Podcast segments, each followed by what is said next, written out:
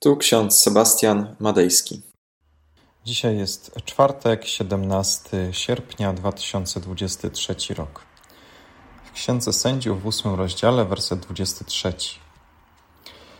Gedeon powiedział: Ja nie będę panował nad wami. Pan będzie panował nad wami. Oraz Ewangelia Mateusza, 23 rozdział, 11 werset. Kto zaś jest największy pośród was, niech będzie sługą waszym. Drodzy, dzisiejsze teksty z Pisma Świętego wskazują na temat panowania.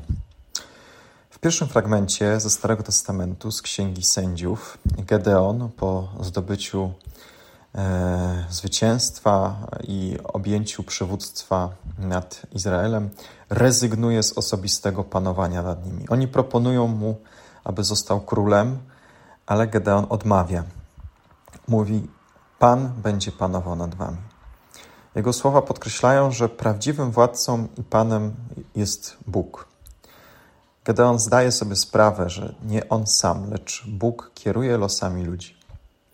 Jest to wyraz pokory wobec wszechmogącego Boga, Stwórcy, który powołał człowieka do życia, a także Przede wszystkim wskazuje Gedeon tymi słowami, że wartością nadrzędną jest posłuszeństwo Bogu. To przesłanie przypomina nam, że ludzkie przywództwo, władza powinny być podporządkowane przede wszystkim Bogu.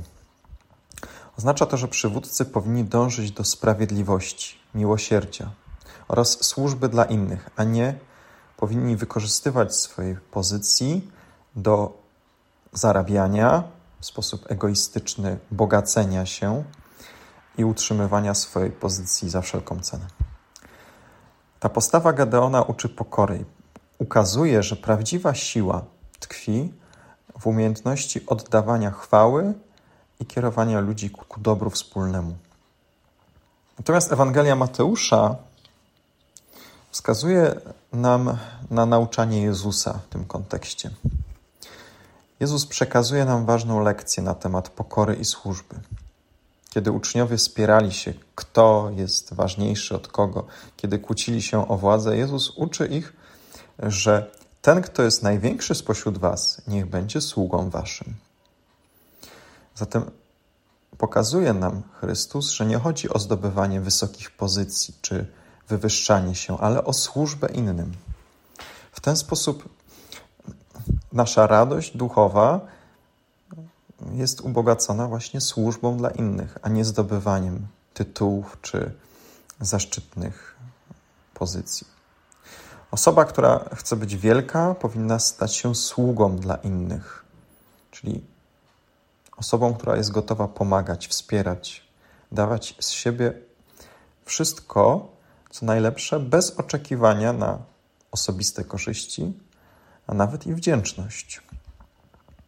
To przesłanie Chrystusa jest rewolucyjne w kontekście dzisiejszych społeczeństw, które często kładą nacisk na osiągnięcie władzy, pozycji społecznej, zrobienie kariery. Jezus pokazuje, że prawdziwa wielkość polega na trosce o innych. Polega na, to, na tym, aby, aby chrześcijanin był gotowy do dzielenia się, do służenia innym, do aktywnego dążenia, aby wokół ci ludzie, którzy potrzebują naszej pomocy, znaleźli ją. Również tutaj widzimy, że pokora i służba są cechami, które mogą prowadzić do budowania lepszych relacji w społeczeństwie, w rodzinie, w pracy. W ten sposób na nowo odkrywamy to, że jesteśmy powołani do służby innym, kiedy przestajemy zastanawiać się, jak osiągnąć sukces. Często jest tak, że w naszych związkach, pracy, gdziekolwiek jesteśmy, zdarza nam się konkurować. I to jest też często problem w małżeństwie, kiedy mąż konkuruje z żoną, żona konkuruje z mężem albo wtedy, kiedy na przykład jedna strona osiąga sukces. Czasem ta druga strona y, czuje się wtedy mm, jakby słab, słabiej, gorzej, ponieważ widzi, że no nie jestem tak dobry, tak dobra jak moja żona czy mój mąż. Ale nie na tym polega relacja w małżeństwie. Polega na tym, aby cieszyć się sukcesu drugiej osoby, aby wspierać drugą osobę i odnajdywać radość i pokój, kiedy widzi się, że ta druga strona osiąga coś w życiu, że zdobywa jakiś sukces. Zatem podsumowując, oba cytaty biblijne podkreślają wartość pokory, służby oraz podporządkowania się Bogu. Im bliżej Chrystusa jesteśmy, tym bliżej jesteśmy siebie nawzajem. Im bardziej naśladujemy Chrystusa, tym nasze życie staje się pełne pokory, wierności, ufności.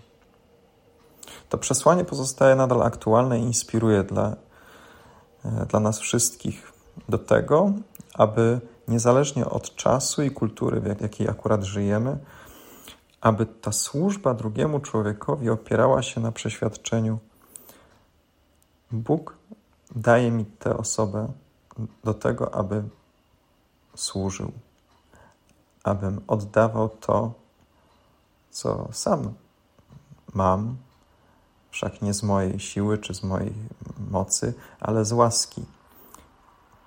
I w ten sposób tą łaską Bożą możemy się dzielić z innymi e, poprzez służbę i pokorę.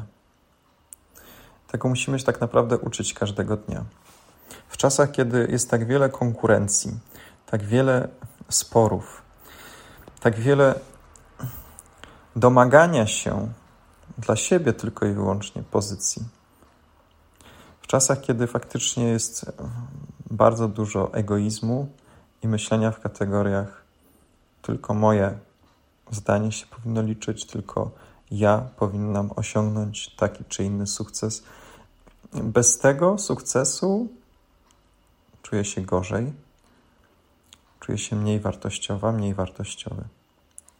A nasze myślenie powinno być odwrotne. My już mamy wartość Bogu. Bóg obdarzył nas wartością. Oddał za nas swoje życie, abyśmy my tą wartością ubogaceni ubogacali innych. Do tego zachęcam Was oraz siebie. Amen. Pomódlmy się. Wszechmogący, miłosierny Panie i Boże, dziękujemy Ci za kolejny dzień życia. Wskaż nam, Panie, osoby, którym możemy służyć, abyśmy nie porównywali się, nie konkurowali ze sobą, ale wyprzedzali jedni drugich w miłości, w pokorze i służbie bliźniemu. Amen. A pokój Boży, który przewyższa wszelki rozum, tak niechaj strzeże serc naszych i myśli naszych Panu naszym Jezusie Chrystusie ku żywotowi wiecznemu. Amen.